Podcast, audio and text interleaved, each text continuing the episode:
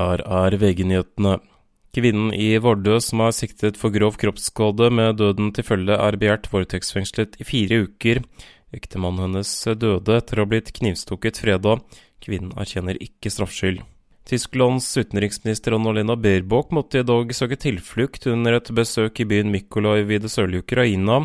Baerbock og hennes delegasjon ble bedt om å returnere til sine pansrede biler etter at en russisk drone ble observert over dem. Dronen fulgte bilene en stund før den endret kurs. Ukrainas president Volodymyr Zelenskyj håper det vil bli fredssamtaler i Sveits i vår, det skriver Reuters. Sveits skal etter planen være vertskap for et toppmøte hvor en fredsplan skal drøftes. Senere vil denne fredsplanen bli presentert for Russland, ifølge Zelenskyj. Israel truer med å trekke seg fra årets Eurovision Song Contest dersom bidraget deres blir avvist. Låten som er valgt til å representere Israel i konkurransen er ennå ikke sjekket for politiske referanser. Dersom den har det, kan den bli avvist. I studio André Ødeby, nyhetene for alltid på VG.